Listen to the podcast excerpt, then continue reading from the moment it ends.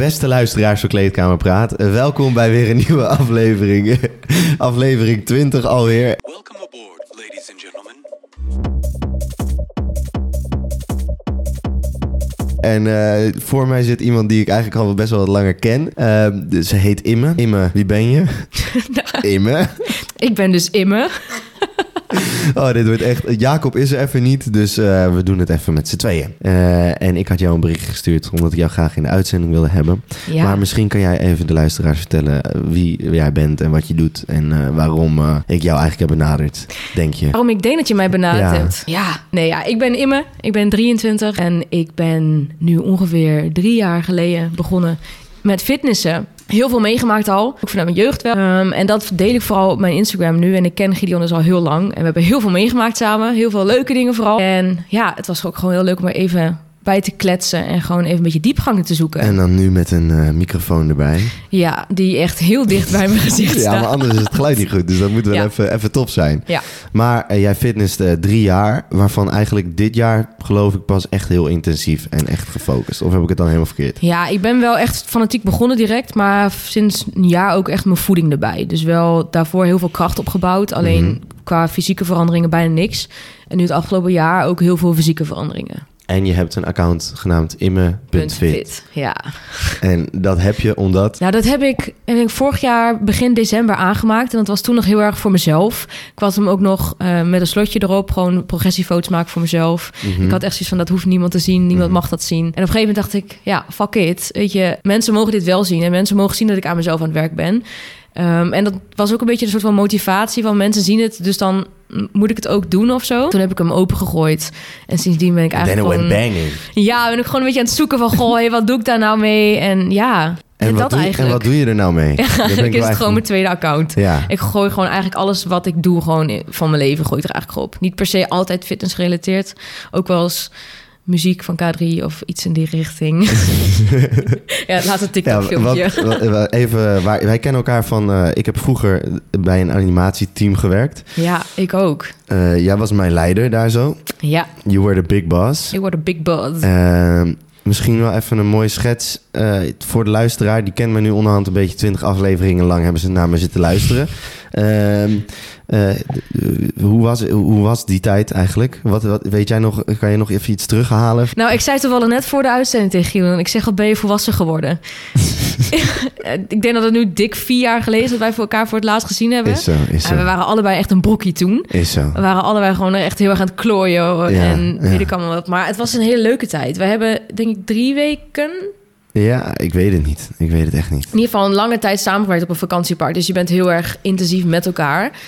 Ehm, je zit heel veel op elkaars lip, dus je ken- leert elkaar echt fucking goed kennen. En Ja. Gideon was toen nog heel erg van, het maakt me allemaal echt helemaal geen reet uit. Het was maakt me echt... de hele tijd wel dronken. Zo was eh, bizar. Maar goed, Ja. ehm, jij zit hier niet omdat we op Tesla hebben gezeten samen. Je zit Ook. hier om, ja ook natuurlijk. Jij zit hier ook omdat jij, eh, nou ja, in mijn fitness bent begonnen. Ja. Ehm, en fucking veel doet met sport. En je bent be- belachelijk veel afgevallen. Klopt. Hoeveel? Ik zit nu bijna tegen de 20 kilo aan. In welke tijd? Ik ben eh, begin, even goed denken hoor, begin mei echt begonnen. Ik heb eerst een, eh, een challenge gedaan, dat is de 75 Hard Challenge. 75 Hard Challenge. Yes. 75 Hard Challenge. Die ben ik, kwam ik toen op TikTok tegen en ik heb eigenlijk altijd tegen mezelf gezegd, ah joh, dat hoef, ik- heb ik toch niet nodig, zo'n challenge. En op een gegeven moment dacht ik, ja, misschien heb ik dat wel gewoon nodig. Gewoon echt even die stap om echt iets te gaan doen. Mhm. En dat was dus twee keer per dag sporten.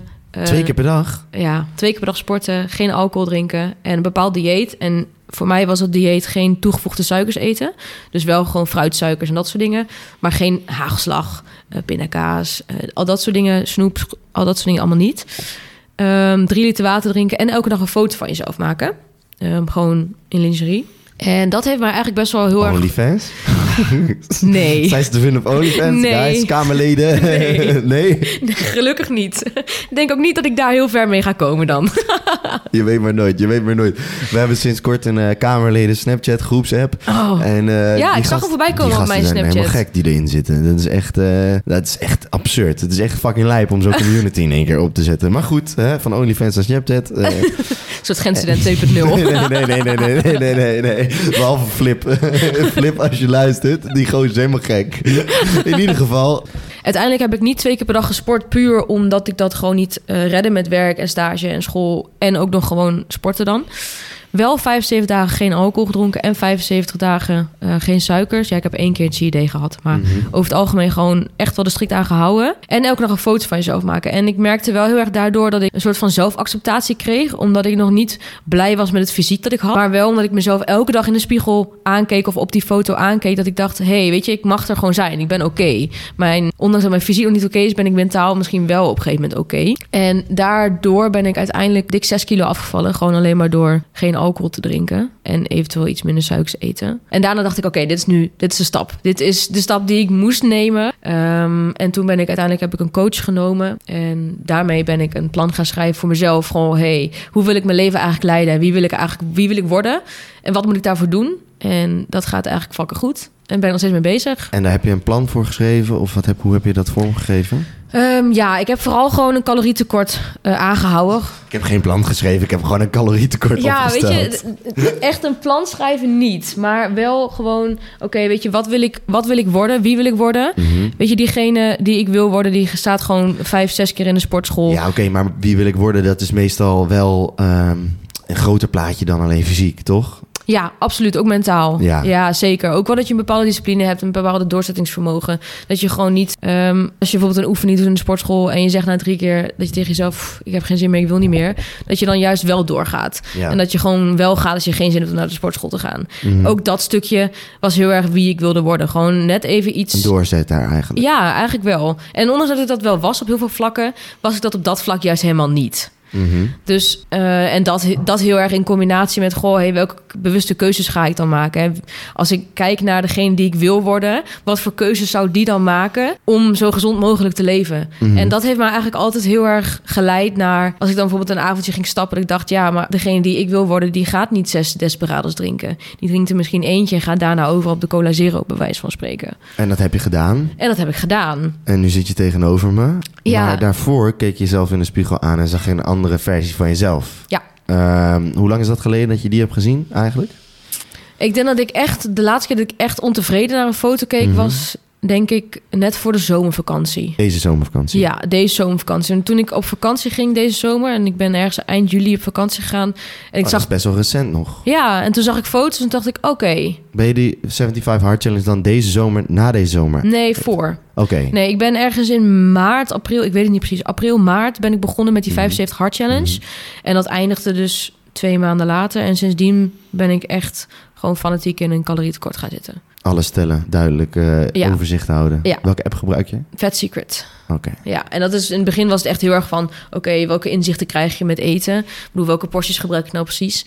En nu voer ik het wel in, maar weeg ik het allemaal niet meer af. Gewoon omdat ik wel weet van mezelf: oké, als ik bijvoorbeeld zoals nu een eiwitshake drink, dan zit daar ongeveer 15 gram eiwit in. Mhm, Dat duidelijk. weet ik. Ja, oké. Even teruggaan naar, de, naar, die, naar die Imme die eigenlijk eh, een beetje kut naar zichzelf keek. Mhm. Eh, als je dan in de spiegel keek, wat zag je dan? Ja, ik zag gewoon iemand van ik echt dacht: hoe, hoe, hoe ben ik ooit diegene geworden? Hoe kan ik mezelf zo hebben laten gaan? En dan bedoel je in, gewoon echt in fysiek. Ja, echt in fysiek. En ik merkte op een gegeven moment, doordat mijn fysiek aan het veranderen was, dat mijn mentale gezondheid ook echt aan het veranderen was. Maar ik was heel veel aan het piekeren. Ehm, ik heb ook een periode gehad dat ik bij een eh, psycholoog heb gelopen, omdat ik gewoon echt mentaal gezien niet meer kon slapen. Ik was echt een beetje in zo'n neerwaartse spi- spiraal. Als je je eenmaal Mhm. kut voelt, dan ga je nog kutter voelen en uiteindelijk voel je het me enorm kut. Ja.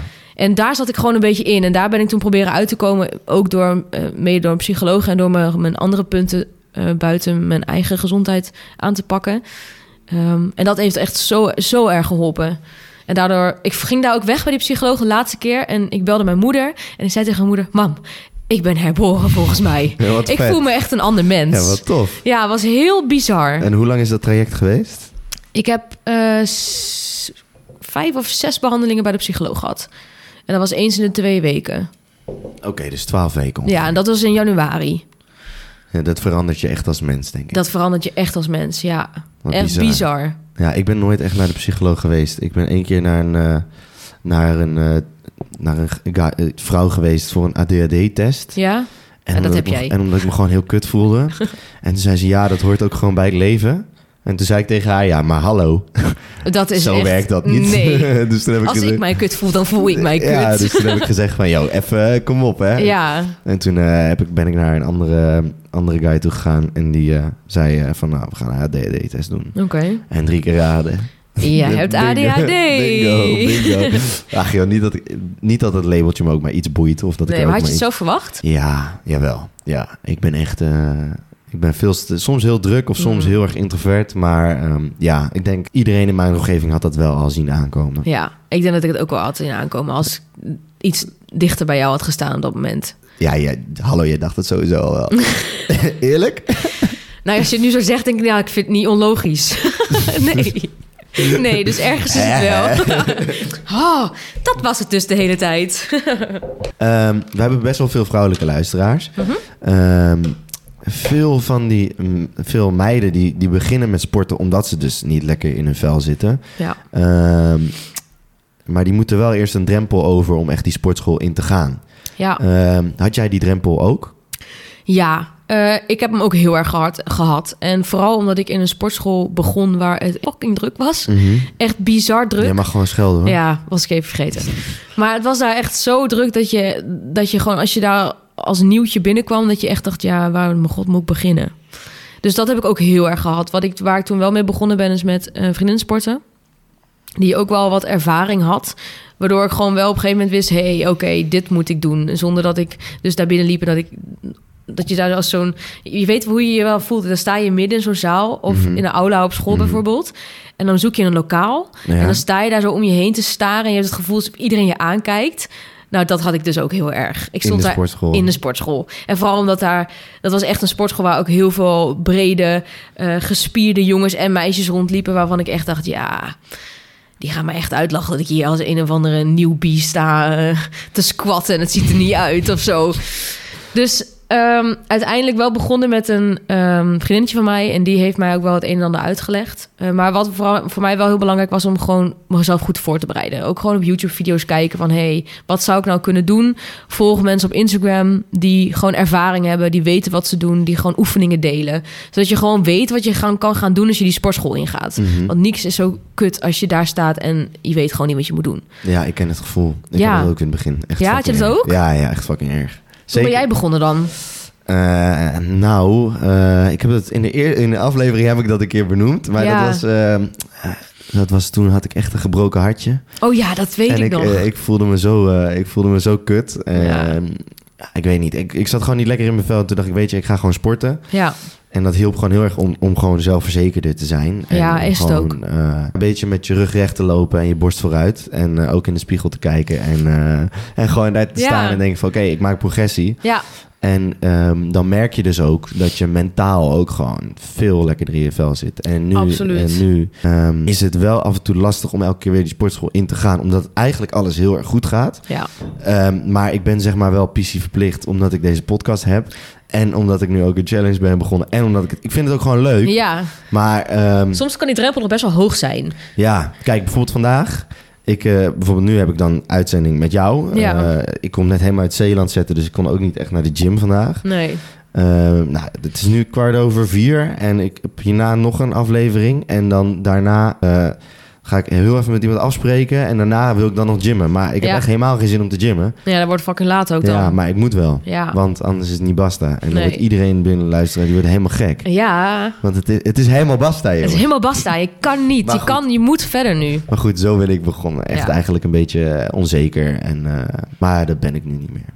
Ik voel me eigenlijk wel hartstikke goed. Zo zie je er ook wel uit, moet ik zeggen. Ja? Ja, Wat wel. is er dan anders? Ik weet niet, je straalt gewoon een bepaalde zelfzekerheid uit. Gewoon als je binnenkomt lopen, je denkt, ja, weet je, die jongen weet gewoon wat hij doet in het leven. Snap je wat ik bedoel? Nou, dat is niet helemaal waar. Maar ik Nee, je zou ook nog een beetje lantefanteren. maar gewoon dat je denkt, ja, weet je, die jongen weet gewoon wat hij wil. In dat opzicht. Ja, ik merk wel dat ik sinds deze podcast ben begonnen... dat ik dan wel meer, meer eh, richting weet te geven. Ja. Dus eh, ik- ik denk dat mijn toekomst hem ook vooral hier wel in zit. Eh, ik weet niet of dat echt alleen maar kleedkamerpraat is. Nee. Dat denk ik niet. Maar eh, ja, überhaupt eigenlijk verhalen vertellen van mensen. Maar Ja. goed, dat gaat een beetje af van het onderwerp. Eh, sport. ehm, Ja. Heb je ooit eigenlijk last gehad van seksuele intimidatie in de gym? Ehm, nou, dat had ik dus toen in die sportschool daar in het begin wel. Het was, ik weet niet of het per se seksuele intimidatie was, maar ik had wel... Of intimidatie? Ja, dat wel. Ik, maar ik, ik denk dat het heel erg bij mezelf lag. Ik voelde me ontzettend geïntimideerd door alle mensen die daar heel erg veel wisten. En ehm, ook wel wat oude mannetjes die dan inderdaad gewoon zoiets hebben van... oh ja, die eh, is nieuw, eh, laten we daar eens eventjes naar gaan staren. Dat heb ik wel in het begin heel erg gehad. Nu sport ik bij een sportschool die niet zo commercieel is. Het is een hele persoonlijke sportschool. Daar is alles ook heel open, dus iedereen kan elkaar ook zien. En daar heb ik het totaal niet. Al zou ik er in mijn naakje rondlopen, het kan nog. En wat, is dan, wat maakt dan het verschil? Ik denk de mentaliteit die er hangt. Er zijn niet ehm, van die popiopie mensen die voor de spiegel gaan staan en die denken: oh kijk mij, kijk mij breed zijn, kijk mij stoer zijn, kijk mij hoeveel ik wel niet kan tillen. Het is gewoon als je daar binnenkomt en je bent nieuw, dan is het niet van moet je kijken, die is nieuw, maar van hé hey, wat vet dat je begint met je fitness journey, weet je succes. Mocht je hulp nodig hebben, vraag het me maar. Dus dat is een hele andere Nou, mentaliteit. dan moet je even de naam noemen van die sportschool. I am okay. Oké, en dat is in? Alberg en Ootmarsum. Beetje jammer, het is nog een beetje in Twente. Oké, en dat is een keten of is dat een, eh, eh, gewoon één gym, zeg maar? Hebben ze maar één gym? Ja, ze hebben in Ootmarsum en in Alberg een vesting. Oké, Dus het zijn er twee. vestigingen. Ja. Oké, dus mocht je daar in de buurt wonen, ga eens een kijkje nemen. Absoluut, Even- zeker even weten. promo gooien. En die andere gym waar je was, was een... Fit for free. Oeh. Oeh. Ja, en ik heb een- ook een tijdje bij Basic gesport, maar dat vind ik ook helemaal niks. En waarom niet? Ik weet niet, daar werd de shit niet opgeruimd en altijd een teringzooi. Altijd liften. Oh, Wat verschrikkelijk. zijn je favoriete oefeningen? Ehm, upper of lower, maakt het niet uit. Ah, gewoon, als je top drie oefeningen mag, eh, mag benoemen. Ik vind ehm sumo deadlift heel leuk. Heb ik een tijd echt super kut gevonden. Ik had echt ontzettend last van mijn rug. Maar dat is helemaal over nu. Nu vind ik het fucking leuk. Hoe, hoe kan dat in één keer verholpen zijn dan? Ik ben bij de fysio geweest. Ik had een verkeerde bekkenstand. Oké. En dat. Ik zal er zo meer, meer over vertellen. Ja, is goed. Ehm, ik vind benchen echt heel tof. Gewoon omdat ik me daar fucking sterk door voel. wat, En- wat, wat, wat bench je? 50 nu. Barkie? Oh, je zit op Hm. half barkie al. Ja, half Barkie. Ja, weet je wat het grappig is? Ik wist niet dat Barkie was, hè? Ik hoor dat elke keer in jullie podcast. En ik heb Uh-huh. het een keer opgezocht, Barkie benchen. Mhm. Maar dan kom je dus op kotsen ben, ben, benchen uit. Dus gewoon zo lang bench totdat je kotst. Echt? Ja.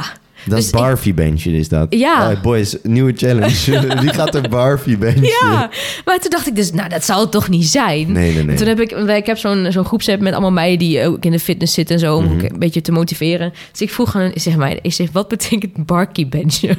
Zij zo, ja, 100 kilo. Ik zeg, oh, oké, wist ik niet. maar ik zit dus op de helft, ja. Ja, ja, Maar ik blijf wel een beetje hangen nu. Maar dat komt ook omdat ik in mijn calorietekort zit nu.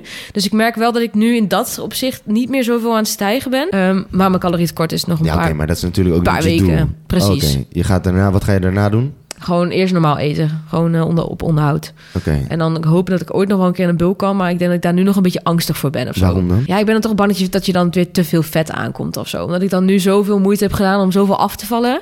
En dan om dan weer een bulk in te gaan. Om, ja, weet je, je komt altijd iets in vet aan. Tuurlijk kom- Mhm. gaat het ook heel veel in spieren. Maar je zult altijd wat vet aankomen. En ik denk dat ik dat nog... Ben je nou niet bang? Ja, gewoon je- een beetje bang om dan in de spiegel te Ja, kijken. nu nog wel. En ik hoop dat dat wel gaat veranderen. Maar ik vind dat nu nog wel een beetje eng of zo. Ja, oké. En als je nu in de spiegel kijkt, wat zie je dan? Hele diepe filosofische vragen. Ja, nou het stomme is dus dat ik dus niet bij mezelf zie dat ik afgevallen ben. Oké.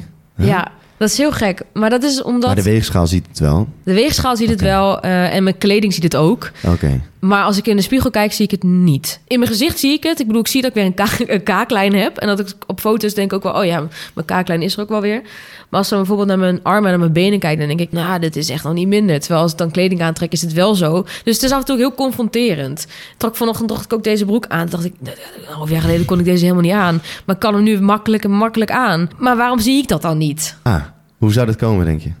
Ik denk dat je gewoon zo gebrainwashed wordt door die negativiteit die je zo lang, lang gevoeld hebt. En ik denk ook wel, ik heb eh, toen ik 12, 13, 14 was, heb ik een eetstoornis gehad, eh, anorexia. En ik denk Zo. ook wel dat het daar een deel van aankomt hoor. Dat ik niet helemaal realistisch altijd kan kijken naar mijn eigen zelfbeeld of naar mijn eigen fysiek.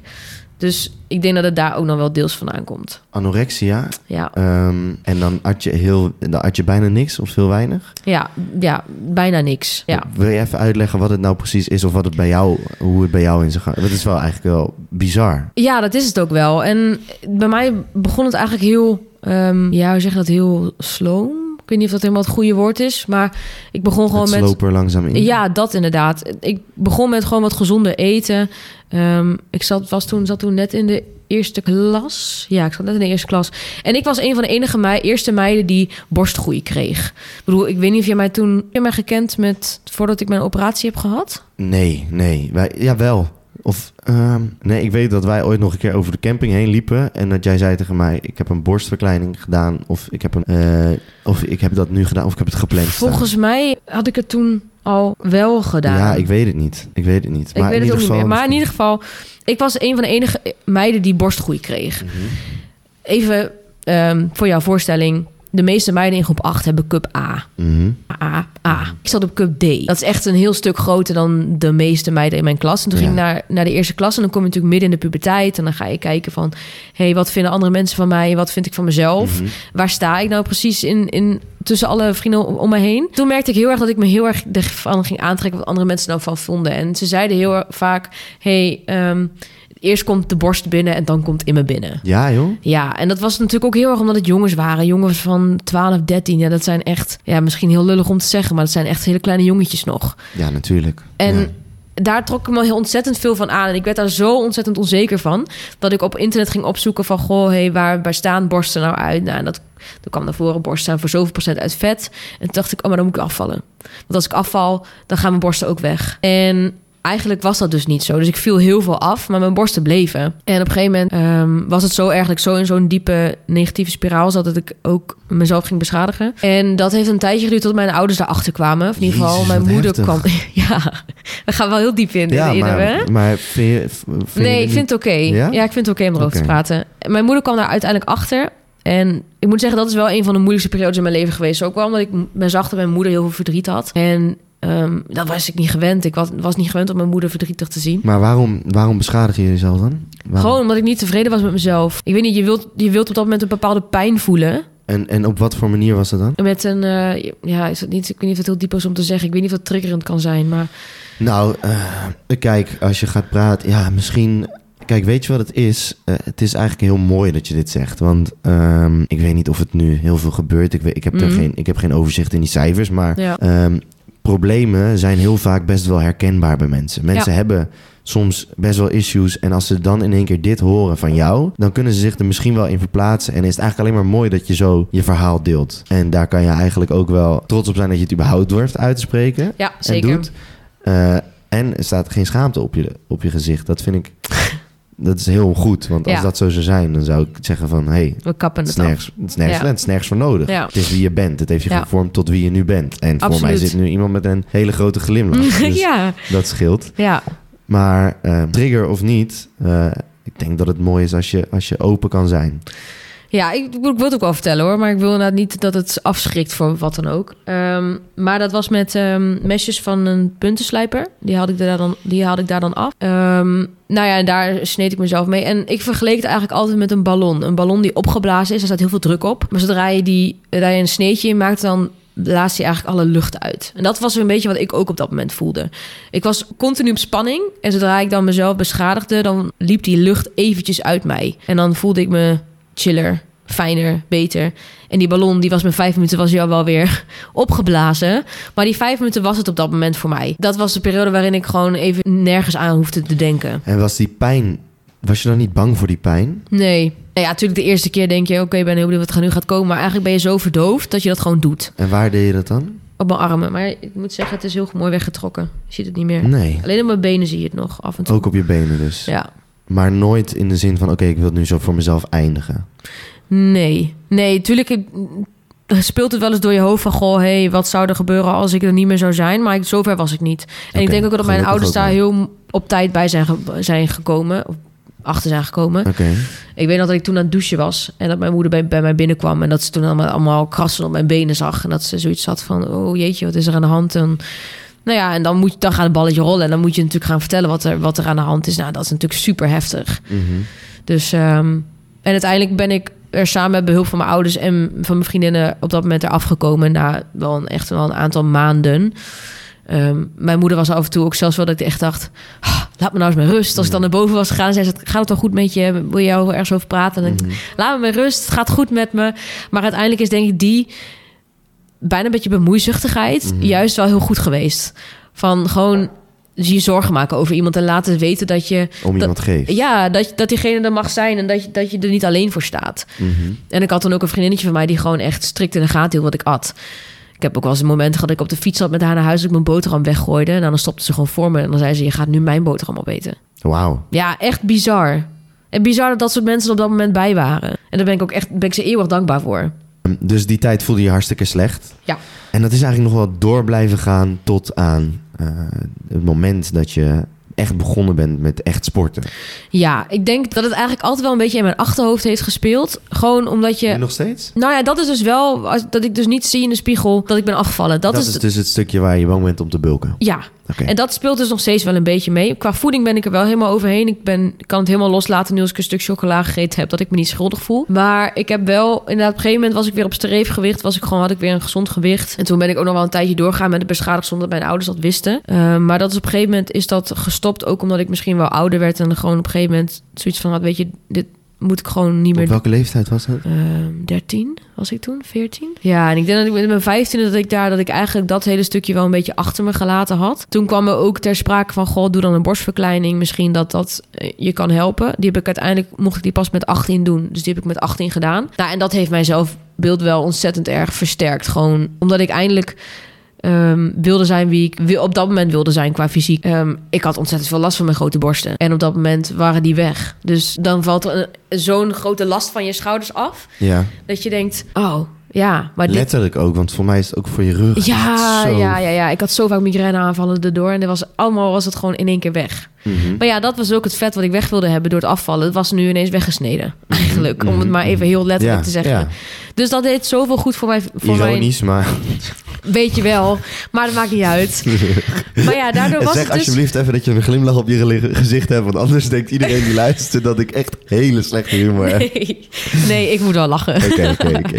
Nee, maar daardoor viel die last eigenlijk al een beetje van mijn schouders af. Het balen was alleen dat het, omdat het ontzettend mislukt was. Ehm, ik wil niet in dit treden, maar het was gewoon ontzettend erg mislukt. Waardoor ik anderhalf jaar later gewoon weer op mijn oude eh, niveau zat qua borstgrootte. Groeien ze dan gewoon weer? Ja, ik had heel veel litte- littekenweefsel. En dat littekenweefsel, dat is natuurlijk, dat ken je misschien wel als je zelf een litteken hebt, dat is niet rekbaar. Dat, is, dat rekt een keer uit en dan is, Mm. dan is het klaar. Nou, dat ik, daar had ik ook. En toen dacht ik, ehm, nou ja, ik wil dat eigenlijk gewoon nog een keer. Ik ga het gewoon nog een keer doen, want dit is niet wat ik wilde. Dus toen heb ik inderdaad een gesprek gehad bij de arts en toen mocht het nog een keer. En dat was eind 2019. En daarna ben ik inderdaad begonnen met fitnessen. En die afgelopen drie jaar is een huge sprong geweest in, in eigenlijk alles, mentaal en fysiek. Ja. En eh, nu kan je dus wel tevreden Ja. in de spiegel kijken. Want Ja. je zegt, ja, ik, ben alsnog, ik zie alsnog mezelf niet afgevallen zijn. Ik zie alsnog niet- Nee, terwijl ik dat op foto's dan wel zie. Maar het is misschien ook wel omdat ik als ik mezelf zonder kleding in de spiegel zie, dat het dan ook gewoon ontzettend confronterend kan zijn. Mhm. Maar zodra ik kleding aan heb en ik mijn bicep laat zien, dan denk ik, oh ja, die heb ik ineens. Ja. ja. Daar mag je trots op zijn. Ja, daarom. En ehm, misschien dat er wel luisteraars zijn die op dit moment luisteren en die zelf ook met iets kampen. Bijvoorbeeld een eetstoornis of een weet ik veel wat. Gewoon die, die, die iets niet los kunnen laten. Een Mhm. negatief zelfbeeld bij zichzelf. ja. Zou je misschien, heb je daar iets, kan je iets tegen hun zeggen wat bij jou heeft geholpen? Of Oeh, ik moet gooi zeggen... je nu echt wel even in het diepe. Maar Ja, ik moet ook zeggen dat ik het wel heel moeilijk vind hoor. Want het heeft heel veel verschillende gradaties en het is natuurlijk bij iedereen anders. Mhm.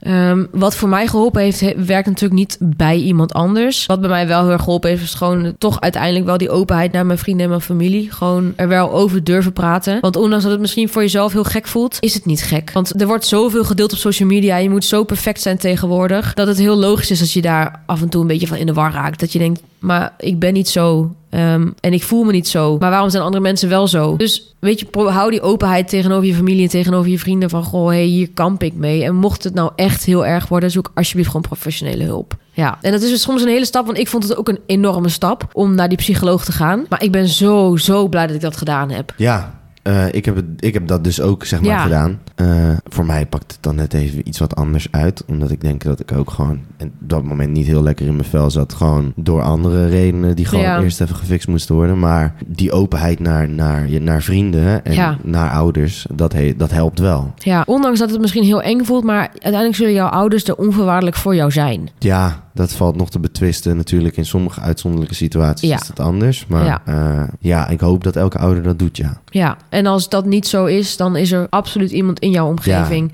die dat wel voor jou is. Er is altijd wel iemand die van je houdt, denk ik dan. Zeker, absoluut. Ik bedoel, wij houden ook van de luisteraars zonder dat we ze kennen. Is zo. Ja, Maar toch? Ik ben er nu een paar leren kennen. En die zijn echt, eh, ja, dit is, Dat is top. het, is, het is heel vet om te zien hoe dat, hoe dat groeit. Ja, Het is ook, eh, ook ergens wel... eh, het begint als een grap. En dan... Of nou, het begint als iets wat je vet vindt om te doen. En Ja. ehm, nu ineens zijn er gewoon elke aflevering... gewoon rond de 2000 mensen die vast luisteren naar Ja, wat, ik, wat ik zeg. En Ja. eh, dat voelt wel aan de ene kant heel bijzonder. Yo, kom binnen hoor. kom maar binnen hoor. Ja, tuurlijk, kom bro. Eh, Mijn derde favoriete sportoefening, pull-ups. Ja? Dat hebben we niet genoemd namelijk. We gingen, gingen Ja, over... ik, dwaal, ik merk echt dat ik weet niet hoe we afgedwaald Ja, zijn, maar Wat is je favoriete sportoefening? Anorexia. het is wel makkelijk. Kun je zo makkelijk optillen. Oh, nee. nee, zet er maar niet in. Oké. Oh nee, dat is niet waar. Want je spieren gaat er ook achteruit. Ja, is ook. Absoluut. Toch? Ja, Ja. het is wel goeie hoor. Pull-ups, hoeveel kan je er? Pull-ups. Eh, nu anderhalf. Ik ben echt, ik denk eh, drie maanden geleden begonnen. Dan kan je eigenlijk een pull-up. Ja, eigenlijk is het een chin-up, hè? Een chin-up is, ja, een chin-up. Dan doe jij chin Ja, chin-up is... ik doe chin-ups. Chin-up is zeg Ja, maar als, ik je haal gaat, ik haal- als je gaat boksen. Ja, chin-ups. En dan optrekken. is makkelijker dan pull-ups. Ja, dat klopt. Ja. Maar ik ben daar drie, drie maanden geleden mee begonnen met echt wel drie elastieken. Gewoon Ja. dikke... Oh, echt? Oh, ja, elastieken, ja. Oh, gewoon echt ja, tuurlijk. met elastieken. Want ik vond die assisten, die, die machines, die vind ik altijd echt helemaal niks. Vind ik echt, echt drikkebagger. Ja, pas ook op met je rug daarvoor, luisteraar. Want dat eh, kan nog zorgen dat je rug in een buiging komt. En daar, da- door dat gewicht wat daar onder jou naar boven helpt, zeg maar, dat, eh, dat zorgt Dat voor... Ja, dat zorgt voor eh, frictie. Ja, dus, precies. of fractie, ik weet niet. Frictie. Frictie. Oké, ga door. Ehm, dus met eh, elastieken. En ik deed eigenlijk gewoon elke training. Gewoon elke keer maar gewoon weer proberen. Ja, ik begon echt met twee. Met een driedubbel elastieken. Twee keer kunnen. Dat ik echt dacht, nou, hoe ga ik dit ooit een keer kunnen zonder, zonder elastieken? Maar ja, ik ben natuurlijk nu ook bijna 20 kilo afgevallen. Dus ik hoef ook minder, minder kilo's eh, omhoog te trekken. Vorige week, denk ik. Twee weken geleden deed ik mijn eerste. De week daarna deed ik er nog eentje. En toen dacht ik, oh, Fucking lijp. ik kan dit Nou, je eindelijk. Ja, je voelt je fucking sterk als je dat doet. Ja, eh, pull-ups zijn, zijn wel de shit, of chin-ups. Het is- Ja. Als, je- als je dat, omdat het gewoon je, je bodyweight die je eigenlijk eh, omhoog trekt. Terwijl het wel bizar is als ik bijvoorbeeld een uh, letterlijk pull-down, pull-down doe, dan zit ik op dik 75, 80 kilo. Let pull-down? Ja, je hebt een machine en je hebt hem op een station. En een station zit ik op 80 en op een letterlijk pull zit ik op 50 of 55. Station, station. Wat bedoel je met station? Welke? Gewoon van die losse stations waar je ook eh, een tricep push-down kan doen en zo. Ja? Ja, oké. Oh, daar zit je op 80. Ja, Ja. oké. Ja, het probleem met is die machines is net, is net, andere, net andere gewichtsverdeling. Ja, helemaal kut is dat. Ja. Ik, snap, ja, ik weet wel waarom ze dat niet allemaal gelijk doen. Omdat zeg maar, eh, de verkoper van die machine die legt dan een patent af op de gewichten die ze gebruiken. En die, daar, dus dan mogen, mag één iemand maar dat gewicht eh, gebruiken of zo. Is fucking lijp, fucking onduidelijk. In ieder geval zorgt voor fucking veel onzin. Dus eh fitnessluisteraars, fitnessbazen als jullie luisteren, fix het even. ja. Maak gewoon even een kilo is een kilo. Ja, oh, absoluut. Maar dat is net zoals met een barbel. De ene is 19,7, de andere is Ja. precies 20, de andere is 18,5. Maak gewoon 20. Bij ons in de, in de eh, gym staan dus nu wel allemaal stickertjes op de barbells, precies hoeveel ze wegen. Ja. Dat is fucking chill, okay, want alle powerliften die pakken dus echt die 20. Ja. Maar als je gewoon een keer een bench wil doen, dan pak je een keer die van 19,7. Ik bedoel, dan doe ik wel eh, zeven- 47,3. In plaats van 50. 70 zeven- Oh, ik ben heel slecht in rekenen. 47,7. Ja. Ja. Maar dat is, dat is, ja, het is bizar dat er zoveel kan verschillen. Is zo. Oké, even. We, we dwalen echt elke keer van hond naar her. In ieder geval, dat maakt niet uit. Eh, je vertelde net over eh, je zelfbeeld, dat eigenlijk heel laag was. En eh, nu is dat eigenlijk door het sporten. En eh, daar ben ik eigenlijk ook benieuwd naar. Kom- Zeg maar. Oké. Je hebt je zelfbeeld. Wat is nou je vraag? Ja, ja ik, ik dacht heel veel dingen tegelijkertijd. Eh, je zelfbeeld is veranderd van heel negatief naar nu positief. Ja. Tenminste, mag ik het zo stellen. Ja. Dat komt door sporten Ja. en door andere factoren omzetten. Eh, in hoeverre speelt voeding daarin, denk je, een rol? Ehm, best wel groot, denk ik. Want ik was vooral in de periode dat ik echt van mezelf dacht: oké, wie ben ik? Toen ik in de spiegel keek, had ik ook echt heel veel ongezonde dingen. Gewoon veel s'avonds snaaien, veel alcohol drinken. En nu merk ik, omdat ik gezondere keuzes maak, dat ik ook me gewoon gezonder voel. En dat heeft vooral in de eerste paar weken zo'n verschil gemaakt. Ik begeleid dus nu ook eh, mensen in de sportschool zelf die willen afvallen. En bijna allemaal zeggen ze in het begin, doordat ze gewoon gezondere keuzes maken. Ik ben nog niet afgevallen, maar ik zit al zoveel lekkerder in mijn vel. Gewoon omdat ik veel meer energie heb. En dat is denk ik ook heel belangrijk geweest, vooral in het begin. Gewoon die energie, die, Ja. die switch. Ja. Dus in plaats van dat je elke keer zo'n suikerdip hebt omdat je ons super ongezond eet, dat je gewoon bijna continu dezelfde energie hebt en dat niet met pieken en dalen gaat. En hoe gaat het dan met slaap? Eh, hoe, hoeveel uur slaap jij per nacht? Ehm, ik probeer eigenlijk dik 8, 8,5 uur te slapen. Ik heb ook wel zo'n ding op mijn telefoon staan dat hij dan op een gegeven moment gaat trillen van goh, je moet met een kwartier naar bed. Luister je daarnaar? Meestal wel, maar ik weet nu ondertussen hoe laat ik naar bed toe moet. Dus dan ben ik, lig ik eigenlijk al of al bijna in bed. Kom of, je makkelijk in een slaapritme? Ehm, nou, ik heb destijds echt een periode gehad dat ik ontzettend lang uitsliep. Omdat het ook corona was. Dus je had vrij, vrij, vrij weinig te doen. Nou, dan lag ik echt tot 11 uur, 12 uur in mijn nest. Nu zit ik echt in een ritme dat ik gewoon zeven dagen in de week om 8 uur opsta. Chill. Ja, ik vind het fucking chill. En natuurlijk slaap ik echt wel een keer uit tot een uur of tien... als ik echt een keer heel moe ben. Of als ik ziek ben bijvoorbeeld. Maar over het algemeen sta ik eigenlijk altijd om 8 uur op... en ga ik om 12 uur sla slaap ik om 12 uur. Ik vaak lig ik om 11 uur al in bed... en dan ga ik nog even filmpjes kijken of zo. Een boek lezen. Half uur van tevoren een telefoon weg.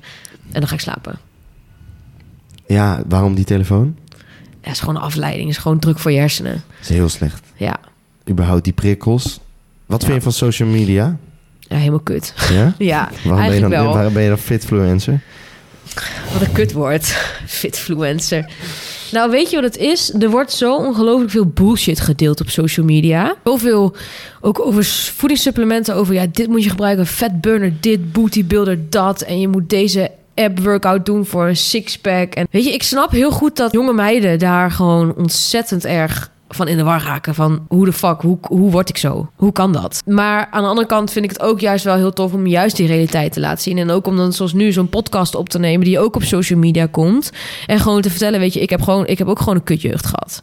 Ik heb ook gewoon anorexia gehad. En ik heb en ook bij een psycholoog geweest. Maar ik ben nu, waar ik nu ben, ben ik zo ontzettend blij mee. Dat dat eigenlijk een beetje het punt voor mij is van oké, dan wil ik het wel delen eigenlijk. Juist ook omdat je dus dat hebt meegemaakt en nu zo trots bent op hetgeen wat je nu hebt. Ja, En is dat dan ook de reden, zeg maar, waarom je die journey dan de hele tijd vastlegt? Ja. Ook om andere mensen daarin te helpen? Ook en in het begin was het ook heel erg voor mezelf van oké, als ik het andere men laat, mensen laat zien, dan moet ik het ook zelf goed doen. Ehm, en in het begin was het wel heel moeilijk, want dan had ik bijvoorbeeld een keer een recept op, opge, opgenomen of een bara in a day bijvoorbeeld. En dan had ik de helft ervan had ik dan zelf niet opgegeten, omdat ik dan dacht dat mag ik niet, mag ik niet eten, terwijl ik het wel opgenomen had.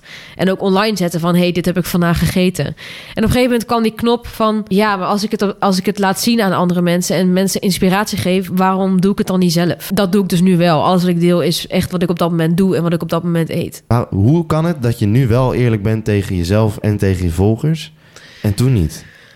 Wat maakt dan het onderscheid? Wat is Ehm, dan die knop? Nou ja, dat is wat ik zei. Je- Ik wilde gewoon heel graag eerlijk zijn. Mhm. Ik wilde echt een soort trans- transparantie... Transparant... Eerlijkheid geven. Mhm. En ik op een gegeven moment besefte ik van... ik ben dat niet. Ik ben niet eerlijk op dit moment. Mhm. En ik ben niet eerlijk naar mezelf... maar ik ben ook niet eerlijk naar mijn volgers. En toen dacht ik, ja, maar dat is dus niet... dat is niet wat ik wilde. Ik ben begonnen omdat ik mensen wil laten zien... dat het gewoon wel kan. Dat je met een eetstoornis eh, achtergrond... dat je gewoon de, de meest beste versie van jezelf kan worden op dat moment. En toen dacht ik, oké, dan ga ik het nu ook gewoon anders doen. Ik ga vanaf nu gewoon wel delen wat ik echt eet. En als ik iets niet eet, dan zet ik het er ook niet op. Oké. Ja, dus je bent nu eerlijk. Ja, Oké. Ja. Dat is ook maar goed ook. ja. Ja, want het is toch gek als je iets leest en uiteindelijk doe je dat helemaal niet. Is net zoals als jij vertelt dat je een gebroken hart hebt omdat je begon bent met sporten, maar vervolgens ben je, heb je helemaal geen gebroken hart gehad. En dat is alleen maar om zielig te doen. Ja, ja, ja. Ja, Ja, dat toch? Is zo. Ja, dat is zo. Dat is zo. Oké, dus je, je ligt nu niet meer, lichtbeest. Dan ben je nu Oh ja, ik ben zo verschrikkelijk ben je- ben je- nu geweest. klaar mee? Wat zijn nu nog je doelen? Eh, nou, ik, wil, ik heb nog niet helemaal mijn streefgewicht gehaald. Ik wil nog een paar kilo kwijt. Wat is je streefgewicht nu? Dat ga ik niet noemen. Oké. Ik vind dat niet eh, relevant, eigenlijk. Gewoon puur omdat mijn gewicht op een andermans lichaam heel anders eruit kan zien. Ja, oké. Maar, ehm, oh ja, dat is wel een interessante stelling. Maar wat maakt het dan uit of je het dan wel of niet noemt? Het is toch jouw streefgewicht? Ja, het is mijn streefgewicht, maar tegenwoordig is de maatschappij zo fucked up. Dat mensen het wel overnemen. Dus jij bent bang dat andere mensen dat streefgewicht gaan overnemen. Ja, bang. Ik wil gewoon niet dat ze dat. Ik wil gewoon niet dat ze dat doen. Weet je, als. Je wil niet dat ze dat hanteren als maatstaaf. Nee, dat. Oké. Dat wil ik niet. Maar dus je, je, je zegt iets niet omdat je andere mensen niet eh wilt triggeren om iets te doen. Om iets Ehm. na te leven wat voor jou eh, jouw, jouw doel is, zeg maar. Ze Ja. moeten hun eigen doelen bepalen. Ja. Maar liggen die doelen niet bij hunzelf? Tuurlijk liggen die doelen bij hunzelf. Maar het is net zoals als, je, als ik een What Eat in a Day deel... dan zet ik eigenlijk altijd bij van... goh, hey, dit is ter inspiratie... en neem alsjeblieft niet mijn volledige voedingsschema over. En waarom doe je dat dan nu niet met je streefgewicht? Ik weet niet. Gewoon... Ik, ja, ik weet niet. Of zit er ook nog iets persoonlijks achter? Ja, misschien. Waar ik nog niet achter ben. Waar jij mij nu als een psycholoog vragen over gaat stellen. Nee, ik weet niet. Ik, ik wil gewoon niet dat andere mensen denken... eh, stel, ik zou nu 80 kilo wegen... dat mensen zouden zeggen... Goh, maar 80 kilo is toch of, is of heel veel... of zeggen, maar ik wil ook 80 kilo wegen... want dat ziet er bij Imme heel mooi uit. Oké, maar dat zijn twee dingen. En Het ene ding is, eh Imme ziet er heel mooi uit bij 80 kilo. En het andere ding is, ik wil, eh, of eh 80 kilo is toch helemaal niet zo eh, bijzonder. Of, Nou, die 80, die 80 kilo is eh, denk ik een stukje van... Hey, wat vinden andere mensen van mij? ja, Een stukje oordelen over maar anderen. dat zit dus nog steeds in je hoofd. Tuurlijk zit dat nog steeds Ja. in mijn hoofd. Ik bedoel, dat merk ik in mijn dagelijks leven ook nog wel. Mhm. Dat ik altijd een rekening hou met wat zijn de oordelen van andere mensen daarover. En, En toch vertel je wel een heel kwetsbaar verhaal hier zo. ja, omdat ik wel vind dat het gedeeld mag worden. Alleen wil ik dus, ja, en wat, daarom dat we net ook zeiden over dat eh, beschadigen. Ik wil gewoon niet dat mensen getriggerd worden door iets. Mhm. En dat is ook, ehm, want Maar da- dan moet je toch de hele tijd heel voorzichtig zijn met wat je allemaal zegt. Hmm. Dan kan je toch eigenlijk niet vrij uitspreken. Want omdat, als ik niet altijd maar zou kunnen zeggen wat ik wil... tuurlijk, meningen zijn meningen. Hmm. Maar eh, als ik de hele tijd bang ben dat ik andere mensen trigger in iets negatiefs... dan beperk ik mezelf toch ook in mijn denken, doen en laten. Absoluut. En het ligt natuurlijk ook wel... ehm, want als je iemand wil beledigen... gaat het er eigenlijk altijd om wat die andere voor context daarbij bedenkt. Ehm, wat voor emotie diegene er zelf bij heeft. Als ik bijvoorbeeld tegen jou zou zeggen... Ik had bijvoorbeeld een paar maar waar weken geleden op vakantie... zei mijn eh, schoonvader tegen mij... ehm, Goh, wat eet jij veel? Of wat kan jij veel eten? En ik voelde me mega erg aangevallen. Terwijl ik daar dat zelf bedenk, dat ik Mhm. aangevallen Mhm. word. Terwijl die, hij zegt eigenlijk alleen maar wat hij vindt. Ik had ook kunnen zeggen, nou ja, het is goed dat je dat vindt, prima. Zeg maar, ik ben gewoon, ik kies wat ik zelf eet. Het is ook wel een, eh, een lastige opmerking, denk ik, om te krijgen. Omdat het, het geeft ook geen ruimte om... Het, je moet jezelf eigenlijk direct verantwoorden. Dat, dat vind je dat je dat moet, maar dat Nee, hoeft eigenlijk niet. Nee, maar dat wordt in zo'n opmer zo'n opmerking... Het is een beetje een suggestieve opmerking. Ja, het is een beetje van, oké, wat eet jij veel? Het is een stelling Ja, en daar moet jij dan maar ja het is echt een opmerking waar iemand zijn andermans mening al... eh, Die laat Ja. zijn eigen mening echt een beetje er doorheen komen. Mhm, Eh, maar dan nog is het aan jou wat je ermee doet. mhm. Bedoel, ik voelde me dat moment aangevallen en een, een dag later dacht ik, ja, ik had ook gewoon mijn schouders kunnen optrekken, had ik gewoon kunnen zeggen, goh, weet je, als jij dat vindt, prima.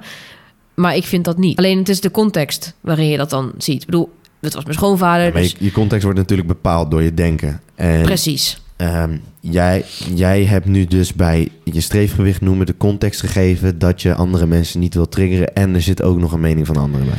Ja, en dat is ook wel omdat ik natuurlijk zelf ook daar ben geweest. En ik zelf ook YouTube... Het was toen nog echt een periode dat je YouTube-video's kon kijken... over men- meisjes met anorexia. Dat was, Ja. werd toen heel erg nog gedeeld. En ik weet dat ik daar zelf ontzettend... Wordt dat nu niet meer gedeeld?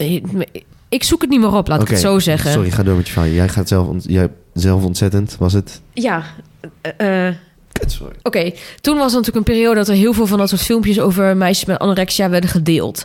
Of dat nu nog zo is, weet ik niet, want ik, ik zoek het niet meer op. Maar ehm, dat wil. Ik werd daar heel erg door getriggerd. Van andere mensen, andere meisjes zien die ook heel dun waren, die eh, ook niet aten, die zichzelf ook beschadigden. Ik werd daar bijna soort door gemotiveerd nog meer te doen. En ik wil nu niet degene zijn die dat bij andere meisjes of vrouwen of meiden ook naar boven brengt. Was hun intentie ook om jou dat te... Tuurlijk niet. Nee, maar, nee, maar eh, hoe, hoe, hoe zeiden ze dat? Hoe, hoe brachten ze dat? Het waren gewoon filmpjes met muziek eronder zonder te praten. Het waren gewoon hele Filmpjes over hoe je jezelf moest beschadigen? Nou, dat niet per se. Het waren gewoon meisjes die foto's van zichzelf lieten zien met een muziekje eronder van echt van die simpele 2003 4 eh, filmpjes, echt Ja. met super slechte kwaliteit, Ja, ja. maar die gewoon foto's van zichzelf lieten zien onder met een muziekje eh, waar dan een klein tekstje bij stond. eh, vandaag zoveel ge- gegeten dit en dit geweigerd en nou dat gewoon en ehm, dit werd er in mijn, in mijn hoofd gezegd en ik heb hier wel of niet naar geluisterd. En Dat was voor mij een soort van motivatie op dat, op, op dat moment. En ik wil dat niet zijn voor andere meiden. Ik wil niet degene zijn dat ze zeggen: Goh, hey, laat zien dat zij uh, bij wijze van spreken dus 80 kilo weegt. Die motivatie wil ik ook. Ik wil ook die 80 kilo wegen. Maar Mhm. voor de ene is 80 kilo perfect, voor de andere is dat te veel. Mhm. En zelfs als je dat hebt gezegd, dan zou je dat alsnog niet kunnen zeggen. Nee. Oké. Dus het is dan niet alleen dat. Nee, natuurlijk zit er meer. Komt er ja, meer bij ja, kijken. Ja, oké. Duidelijk. Maar laten we erop houden dat ik nog niet op mijn streefgewicht ben. maar ik wil nog een paar kilo afvallen. niet- het gaat me ook niet om dat antwoord. En je bent, maar jij bent dat antwoord er gewoon aan het uittrekken. Nee, nee, want ik, ik hoef hem niet eens per se. Ik ben gewoon benieuwd waarom je het niet geeft. Ja, nou ja, dat dus. Eh, weet je, al was het... De, de, het antwoord is dan niet hetgene wat ik wil... maar meer gewoon je denkwijze erachter horen. Ja, Want dat is eigenlijk wel heel, heel interessant. Want eh, als je iemands denkwijze begrijpt... dan... Ik, ik denk gewoon dat mensen heel erg op elkaar lijken. En als jij, jij zo erg over iets denkt... dan denk ik dat daar andere mensen misschien wel iets in kunnen herkennen... ja. en daar dus iets van kunnen leren. Of vinden. En dat is op zich dan ook en wel dat is prima. en ja, ja, tuurlijk. Maar iedereen vindt wat van jou. Ja, en dat Nu was ook, ook. wel heel erg Ieder- waarom ik bang was, in het begin bang was om, het, om mijn account open te gooien. Ja, Wat ik ook zei, van niemand hoefde dat te weten dat ik daarmee bezig was. En op een gegeven moment gooide ik het natuurlijk open. En dan was ik elke dag gaan checken. Goh, zijn er al mensen die ik ken uit mijn eigen omgeving die mij gaan volgen of die mijn eh, verhaal hebben gezien? Dat vond ik dan echt super spannend. ja, Terwijl nu, als mensen bijvoorbeeld met mij op het terras zitten en ze willen mij taggen in een bericht, dan zeg ik tag mijn fitness account maar. In plaats van mijn eigen account. Of mijn eigen, mijn normale account. Mhm. Omdat ik nu zoiets heb van, weet je, ik laat het gewoon zien. Klaar. ja, je mag er ook trots op zijn ook. Dat. Maar het is, het, is, het is heel eng dat mensen wat over je vinden. Dat vind Ja. ik ook. Ik bedoel, eh, mensen zeggen altijd dat... dat ik heb, ik heb, nou niet altijd, maar ik heb wel eens de opmerking gekregen van... Gideon, wat heb jij toch scheid aan wat andere mensen van je denken? Terwijl dat is helemaal niet zo. Nee, dat lijkt soms zo. Nou, echt totaal niet. Ik heb helemaal geen scheid aan wat andere mensen van me denken. Ik Nee. heb alleen eh eh, scheid aan wat mensen denken over mij die, ik, die, mij, die Niet belangrijk voor me Ja. zijn. Kijk, ik heb een paar mensen om mij heen staan. En als die, die mensen die houden van me, die kijken naar me om wie ik ben. En als die zeggen, Gideon, dit moet je doen of dit moet je niet doen. Dan luister ik naar ze en bepaal Ja. ik uiteindelijk zelf wat ik doe. Ja. Ehm, maar ik luister niet naar het stukje. Oké, ehm, ja, ook, eh, het is ook lastig, want je luistert. Ik toch- denk dat als bijvoorbeeld iemand tegen jou zou zeggen... Wat ik, de, wat ik dus net zei over je eet te veel... als een onbekende dat tegen jou of tegen mij had gezegd... dan had ik gedacht, nou weet je, mag je vinden. Ja, kijk, dat boeit mij dan niet. Want ik ben daar niet. da- da- da- maar als het gaat om wat ik mijn prestaties leveren, Mhm. zoals dit. Als iemand opmerking heeft over dit, over Ja. kleedkamerpraat of Ja. over. Ik zag laatst een opmerking onder een video van Sportpoeder over een jongen die zei. Eh, ja, met alle respect, maar de jongen die daar zit, die, die past daar niet tussen. En eh, hij maakt, stelt vragen ook ongemakkelijk en hij laat niet uitpraten. Ja, En hij weet eigenlijk niet zoveel van het onderwerp af. Toen merkte ik in één keer van, oh shit, dit doet me wel wat. ja, En ik zat met mijn familie toen en ik las dat. En eh, ik had daarna ook een paar dagen mijn telefoon weggedaan. Niet omdat, maar dat was ik al van plan. En Mhm. ik zei dat. En ik merkte eigenlijk dat ik dat lastig vond om te zeggen. En toen zei ik dat. En toen schoot mijn broer gelijk in de verdediging van... nee, dat is helemaal niet zo en dit en dit. En mijn moeder die zei van... eh, ja, maar iemand, iemand die mag dat wel... iemand die mag dat gewoon vinden. ja, En toen zat ik daarna na te denken van... oké, eh, ik, ben, ik zit daarbij voor een reden. En eh, dit is eigenlijk de eerste echte gerichte negatieve opmerking naar mij toe. ja. En wat doe ik daar nou mee? En het was nog in mijn hoofd daar toen ik in bed lag. Maar ik dacht wel van oké, als ik me dit aan ga trekken... dan ga ik het heel zwaar krijgen in Ja. de toekomst. Want eh, dit gaat nog veel meer gebeuren. ja. Toen heb ik, dacht ik van oké, loslaten, fuck it. eh, niet over nadenken en Ja. gewoon accepteren dat iemand dat vindt. Ja. En ik denk dat ik dat nu bij elk, elk ding gericht naar mij zo ga ja. doen. Dat is wel goed van je. Dat is wel moeilijk, dat loslaten. Ja, ja, weet je wat het is? Je schiet er niet zoveel mee op. Dat is het ook. Je moet jezelf veranderen voor, voor een individu. Terwijl Ja, je bent zo en je, ik zit bij die podcast van Sportpoeder voor een reden. ja Snap je? zeker. Ik, ik doe dat niet. eh, Ik, ik, ik, ik, snap, ik word daar gevraagd. Mm, Ik, ik zit daar voor een reden. Dus ja, en al weet je er niks van af. Boeien. Ja, is zo. Ja, nou ja, dat, ik zit daar om de vragende rol te spelen. Ja, Kijk, ik kan ook heel, een heel diep gesprek gaan voeren met jou. dat, kan ik, dat, is veel, dat vind ik eigenlijk leuker. Maar Ja. weet je, het is, er zijn zoveel, dat was wel even dat ik dacht van oké, eh, eerste keer dat je echt een beetje op je teentjes getrapt voelt. Ja, en dat, zal, dat is natuurlijk bij alles wel, wel een beetje de eerste keer zal zijn. Ik bedoel, ik had laatst ook al een video geplaatst... Wat, inderdaad, wat ik liet zien wat ik at... Um, en voor mij is een calorietekort een bepaald calorietekort. En dat is helemaal uitgerekend en ik word in de gaten gehouden. En dat gaat gewoon goed. Ik heb genoeg energie. Maar mensen hebben daar een opmerking over. Mensen Mm. vinden dat het of te Mm. laag is of veel te hoog is. Of... En weet je, als er eenmaal zo één zo'n comment komt, dan komt er natuurlijk veel meer. Mhm. Dan gaan mensen natuurlijk elkaar een beetje ja, op, op, ja, bizar is dat ook. opstoken of ja, zo. Maar even, voordat ik hiermee begon, zeg maar voordat ik met de podcast begon, had ik nog nooit gedacht over om een comment achter te laten onder een TikTok. Gewoon Nee. een negatieve comment of zo. Nee. En nu zie ik dat zo vaak voorbij komen. Ja. Dat ik van, what the fuck man, wat heb je te haten? Nou, en dat is wel grappig, want die, ik had een van die comments, die stond daar dus en mensen gingen daar dus weer op reageren. Dus die gaan dan elkaar echt een beetje opfokken. Ja, En dan komt er op een gegeven moment had ik echt tien dezelfde opmerkingen. Ik dacht, hé jongens, rot op. Dus heb ik dus die grootste opmerking heb ik gewoon verwijderd. Ik denk, nee, ik hoef het ook niet meer te lezen. Zoek het lekker uit. En sindsdien heb ik ook niet meer daar opnieuw een opmerking over gehad. Dat is dus echt heel raar. Mensen zijn zo ongelooflijk kuddebeesten. Als ze iets vinden en ze zien dat andere mensen daar ook iets van hebben gereageerd. Oh, dan gaan we het ook maar doen.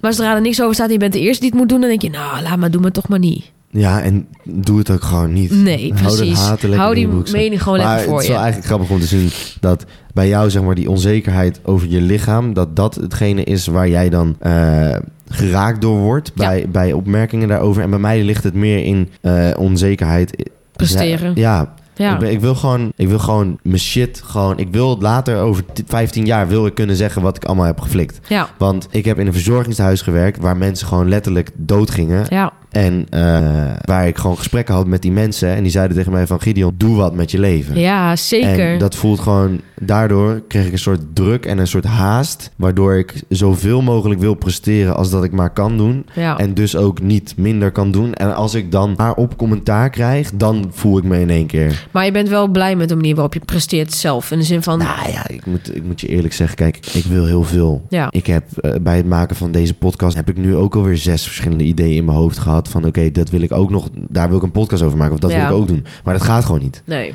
En eh, als je echt wat wil bereiken, dan moet je je concentreren op één ding. Ja, En ik heb al een voltijd studie en dit en die podcast van Sportpoeder ja, en nog werk. ja. En ik ben ook nog eens verliefd. Dus dan is het ook nog eens heel Ook lastig. nog eens. Snap je? Dus dat is... ja, want dan moet je ook nog een paar uur voor reizen. Ja, het is gewoon helemaal kloten. Ja. Snap je? Dus je moet, je moet heel veel... Ja, Dus het werkt niet allemaal. Maar goed. Ehm, Jacob die heeft een, grap, ik had het zeggen, de nummer van de week ingesproken. Eh, ik kan hem alleen niet laten horen. Want, eh, want hij staat op mijn telefoon en die draait. Dus ik edit dat er even in. Jongens, hier jullie trouwe vriend Dirty. Vanuit over, over Atlantische gebieden. Dit is een eenzijdig gesprek, want ik neem, eh, ik neem de gebruikelijke rubriekjes voor jullie op. Omdat ik weet hoe erg men hiervan houdt. Dus om mee te beginnen, het jargonwoordje van deze week is model inliggen. Ja, en ik denk dat de, dat de jongens er nu even de tijd voor kunnen nemen om erover na te denken. Weet je wat dat betekent? Model liggen. Nee, ja, ik zie dan direct iets voor me dat je gewoon dat je gaat liggen en dat je foto's van, van je worden gemaakt. Maar dat zal het vast niet zijn. Nee, nee, nee. nee kan je nog een keer raden? Model liggen. Het heeft te maken met fitness. Nee. Oh, Nee, het moet, nee. kan gewoon van alles zijn. Ja, dit is echt alles. Oh ja, de vorige keer weet Het, ik nog wel. het is het jargonwoord van de gummiberen was de vorige keer dat, ik, wat ik onthouden heb. Gummiberen? Gummiberen, toch? Ik weet niet eens meer. Dat is zo van je hoofd zo dat je Oh ja, gumminekken, ja. Eh, model liggen. Nee, ik blijf haken bij dat je moet poseren voor iemand. Want het model inliggen, wat is dat? Nou, inliggen, eh, wellicht kent iedereen dat al. Dat betekent dat je gewoon in je nest gaat liggen, in je rek, in je tandpadje, noem maar op, noem maar op. Model inliggen, echt, of nou, ja, eigenlijk in je, in je snurkzak. Eh, je slaapzak, ook wel bekend. Maar model inliggen betekent dus dat jij eh, in je slaapzak, je hebt procedures hoe jij in je slaapzak moet liggen. Dus met je broek op je enkels, et cetera. Nou ja, vaak hebben mensen daar scheid aan, omdat ze denken van, oh, oh, we moeten waarschijnlijk, hè, worden we in een scenario zogenaamd over een uurtje aangevallen. Ik heb er dus, of ik moet over een half uurtje op wachten, ik heb er scheid aan. Dus die gaan met de kleren aan in hun slaapzak. Dat is natuurlijk hartstikke dom. Want als je lekker al je kleren uit hebt, dan, eh, dan heb je het eigenlijk het, het, het- lekker het warmst in je slaapzak. Het klinkt niet logisch, edoch het is wel zo. Dus model inliggen betekent dat jij met al je kleren gewoon lekker, gewoon de, zoals de procedure het voorschrijft, lekker gaat inliggen. Nou, dat was het jargonwoordje van de week. Ik hoop dat jullie er wijzer van zijn geworden. Maar, uiteraard heb ik dus ook weer een technonummer van de week. En het technonummer van deze week is Avalon van Kill Your Idols. En wat maakt Avalon Kill Your Idols nou zo leuk, zouden jullie waarschijnlijk denken? Nou, uiteraard is het... Ja, het is gewoon echt zo'n gruwelijke, gruwelijke grafklapper. Je- ik, nou, ik, ik ben eigenlijk van mening dat het misschien te gruwelijk is om, eh, om te beschrijven. Maar wat ik er nou zo bizar gruwelijk aan vind, is dat de koffer van dit plaatje is, eh, als ik het nou goed zeg, is het Set, een Egyptische god. Ja, dat is Set, ja, of Osiris. Nee, dit is, sowieso is het. Oh, nu begin ik. Nee, sowieso is het Set. En dat vind ik gewoon gruwelijk demonisch. Dus eh, naast dat het een erg goed nummer is, is het ook een eh, heerlijke, heerlijk sinister plaatje. Nou jongens, ik spreek jullie volgende week weer. Joe! Meestal hardstyle. Ja? Ja, ik ben begonnen met eh, gewoon een beetje top 50 muziek. Maar ik merkte dat ik op een gegeven moment gewoon een beetje energie nodig had. Dus nu is het vooral hardstyle. En ik heb ook echt nog wel eens een keer een periode dat ik gewoon Frans Bauer of zo. Jezus. Gewoon Brouwer luister. Maar Maar doe even normaal. ja, maar dat is gewoon als ik dan een keer een cardiodag heb of zo. Als ik echt gewoon zwaar ga squatten of ga benchen, dan ja joh, is het Frans Bouwen, ben je wel goed in je kop. Ja, wel. Gewoon Nederlandse muziek is toch leuk? Hoor mij nou mijn mening geven. Ja, joh, jij geeft echt je mening. En ik voel me weer aangevallen. Nee, dat is niet waar. nee, maar dat wel. Ehm, en het bij ons in chillen in de gym is dat je dus eh, s s'avonds ehm, zelf je muziek mag regelen op de boxen. Oh, fucking chill. Ja, nou dat is natuurlijk wel omdat ik natuurlijk ook zelf werk. Dus Ja. daarin is het wel makkelijker. Maar over het algemeen, omdat het best wel dezelfde mensen zijn die elke avond komen... draaien we eigenlijk altijd met alle jongeren... draaien we eigenlijk gewoon altijd hardstyle 's avonds. Dus dat is fucking chill. Dan hoef je geen oortjes in, kun je ook gewoon kletsen met mensen. In plaats van dat je allemaal een beetje afgesloten bent in je eigen bubbel. En natuurlijk ben je nog steeds wel in je eigen bubbel, maar... Ja, ik vind het wel chill. Nou, hardstyle. En welk nummer dan? Is je, Oh, is je heel- go-to? Heel veel eigenlijk wel. Ik heb echt heel veel artiesten die ik ook wel leuk vind. Maar ik denk dat ik de, de Tweakers het beste vind. Ik weet niet of ik dat goed uitspreek, maar... Tweakers. De Ja, Ik, ben, ik ben niet zo erg van, eh van Ja. hardstyle. Ik heb toch wel grafkelder techno. Ja, dat heb ik meegekregen. Of eh Pop Smoke. Dat vind ik ook echt dat heerlijk. ken ik niet. Ken je Pop Smoke niet? Nee? Yo. Rest in peace. Oké. Rest in peace, bro. Ik ga dat zo dadelijk direct opzoeken. Je kent toch wel... When it rains, it pours. Dan zoek ik het zo dadelijk op en ziet het, eh, klinkt het Ik heel anders. Ken je dat niet? Nee. Oké, ik ga het zo opzoeken. Sorry, het spijt me. Oké, eh, laatste ding nog, eh, voordat we afsluiten. Iedereen die nu luistert naar deze podcast, wat zou je ze mee willen geven als afsluiter? Wat zou je ze zeg maar mee willen geven van oké, neem dit mee in je hoofd en eh, take Ehm, this with you in your journey. Dat alles mogelijk is als je er zelf maar voor gaat, denk ik. Dat dat het belangrijkste is. Als jij een beeld hebt dat jij een mega mooi fysiek wil hebben... of dat jij super sterk wil zijn... dat jij, net zoals ik, 50 kilo wil benchen, bij wijze van spreken... en jij gaat daar gewoon voor, dan kan dat. Niet opgeven. Gewoon doorgaan. Ja, zo kijk ik er ook naartoe met die barkie. Ja. ja. Ik had laatst een hele mooie quote. En dat was iets met van het is zwaar. eh, maar als het niet zwaar was geweest, dan had, had iedereen het al gedaan. Soms is het juist mooi om het even zwaar te hebben. Damn, op een tegeltje. Ja, hè? Ja. Zo'n eh zo'n eh, Dels blauw tegeltje. Aan de muur. Ja, ik zou hem gewoon kopen. Ja, maar dat is toch zo. En soms is het gewoon, wat jij jou zegt, weet je, die drempel dat je straks weer naar de sportschool moet gaan, is gewoon best wel hoog. En het is even, eigenlijk even kut. Mhm. Maar ja, je doet het maar wel. En soms is het, moet je juist naar die kutte momenten even door, om het gewoon daarna weer goed te hebben. Amen. Heb je nog een vraag aan mij? Nee. Nee, helemaal Nee, niks? nee. Je niks te Ik ben echt even helemaal blanco. Ja? Wat is je lievelingseten? Dit is echt zo'n kut animatievraag. Ja. Dit is echt zo'n animatie. Nee, ik wil, eh, ik wil nog wel even weten. animatietraining vraag is dat. Wat is je lievelingseten? Ben ik nu drie- snel drie vragen? Nou, dan gaan we nu snel verder Ja. naar de volgende vraag. Oké, oké, oké. Nee, ik ben nog wel heel benieuwd wat jij nog heel wel graag zou willen bereiken in de, in de gym. Kijk, ik doe nu natuurlijk die Basta Ja. Challenge. Mhm. Twaalf weken lang gewoon daarin eh, mezelf ontwikkelen. Ja. Maar voor mij is het... eh, Is dat dan ook een stukje discipline? Want het is natuurlijk het best is, wel streng. Het is discipline ontwikkelen. Ja. Ik ben echt een van de meest eh, ongeorganiseerde gozers die er maar rondlopen, die ik ken. Ja. Nou, ik, heb, ik, ben- tenminste, ik ben heel ongeorganiseerd. Ik ben heel onregelmatig. Ik ben heel slecht in communiceren. En ik ben heel slecht in eh, eh, plannen. Ja. Dus zeg maar, alles wat je nodig hebt om een podcast te beginnen en dat te regelen, dat kan ik niet. en eh, als ik nou ook nog eens heel veel plezier ga hebben met mijn vrienden, dus heel veel alcohol ga drinken en heel veel gewoon fucking leuke dingen doe, dan merk ik gewoon dat ik niet het optimale uit mijn leven haal. Dus Ja. voor mij is dit meer ook daarvoor ook. En het is natuurlijk ook gewoon voor mijn fysiek. Ja. Ehm, maar dat en qua wat ik echt wil bereiken in de sportschool, echt. Ik moet je eerlijk zeggen, ik ben helemaal niet zo onzeker over mijn lichaam. Of ik, wil, ik heb helemaal niet iets dat ik denk van, oh, ik wil fucking groot zijn. Of eh, ik wil deze kuiten. Of ik wil. eh, ik heb dat helemaal niet. En je hoeft ook niet onzeker te zijn om iets te willen. Zo bedoel Nee. ik het ook niet. Maar, ehm, weet niet. Ik ben nu al wel gelukkig met mijn lichaam. Ja, je hebt natuurlijk ook al echt een mega grote verandering doorgemaakt. Ja. Vergeleken met hoe je er vroeger uitzag. Vroeger, Ja? een paar jaar geleden. Ja, wel. Absoluut. boy now. Een big boy. Ja, ja, kijk, ik, ik ga gewoon nog door. En eh Ja, tuurlijk. worden gewoon een fucking unit. Ja, En eh, ik heb net een gratis extra zak 5 kilo van eh Way gekregen. Dus, eh, nou, dat komt helemaal goed. wil de sponsor nog bedanken. Nee, ja, dat was gewoon echt per ongeluk was dat gewoon. Ik kreeg gewoon, ik kreeg gewoon denk ik, twee keer zakken van...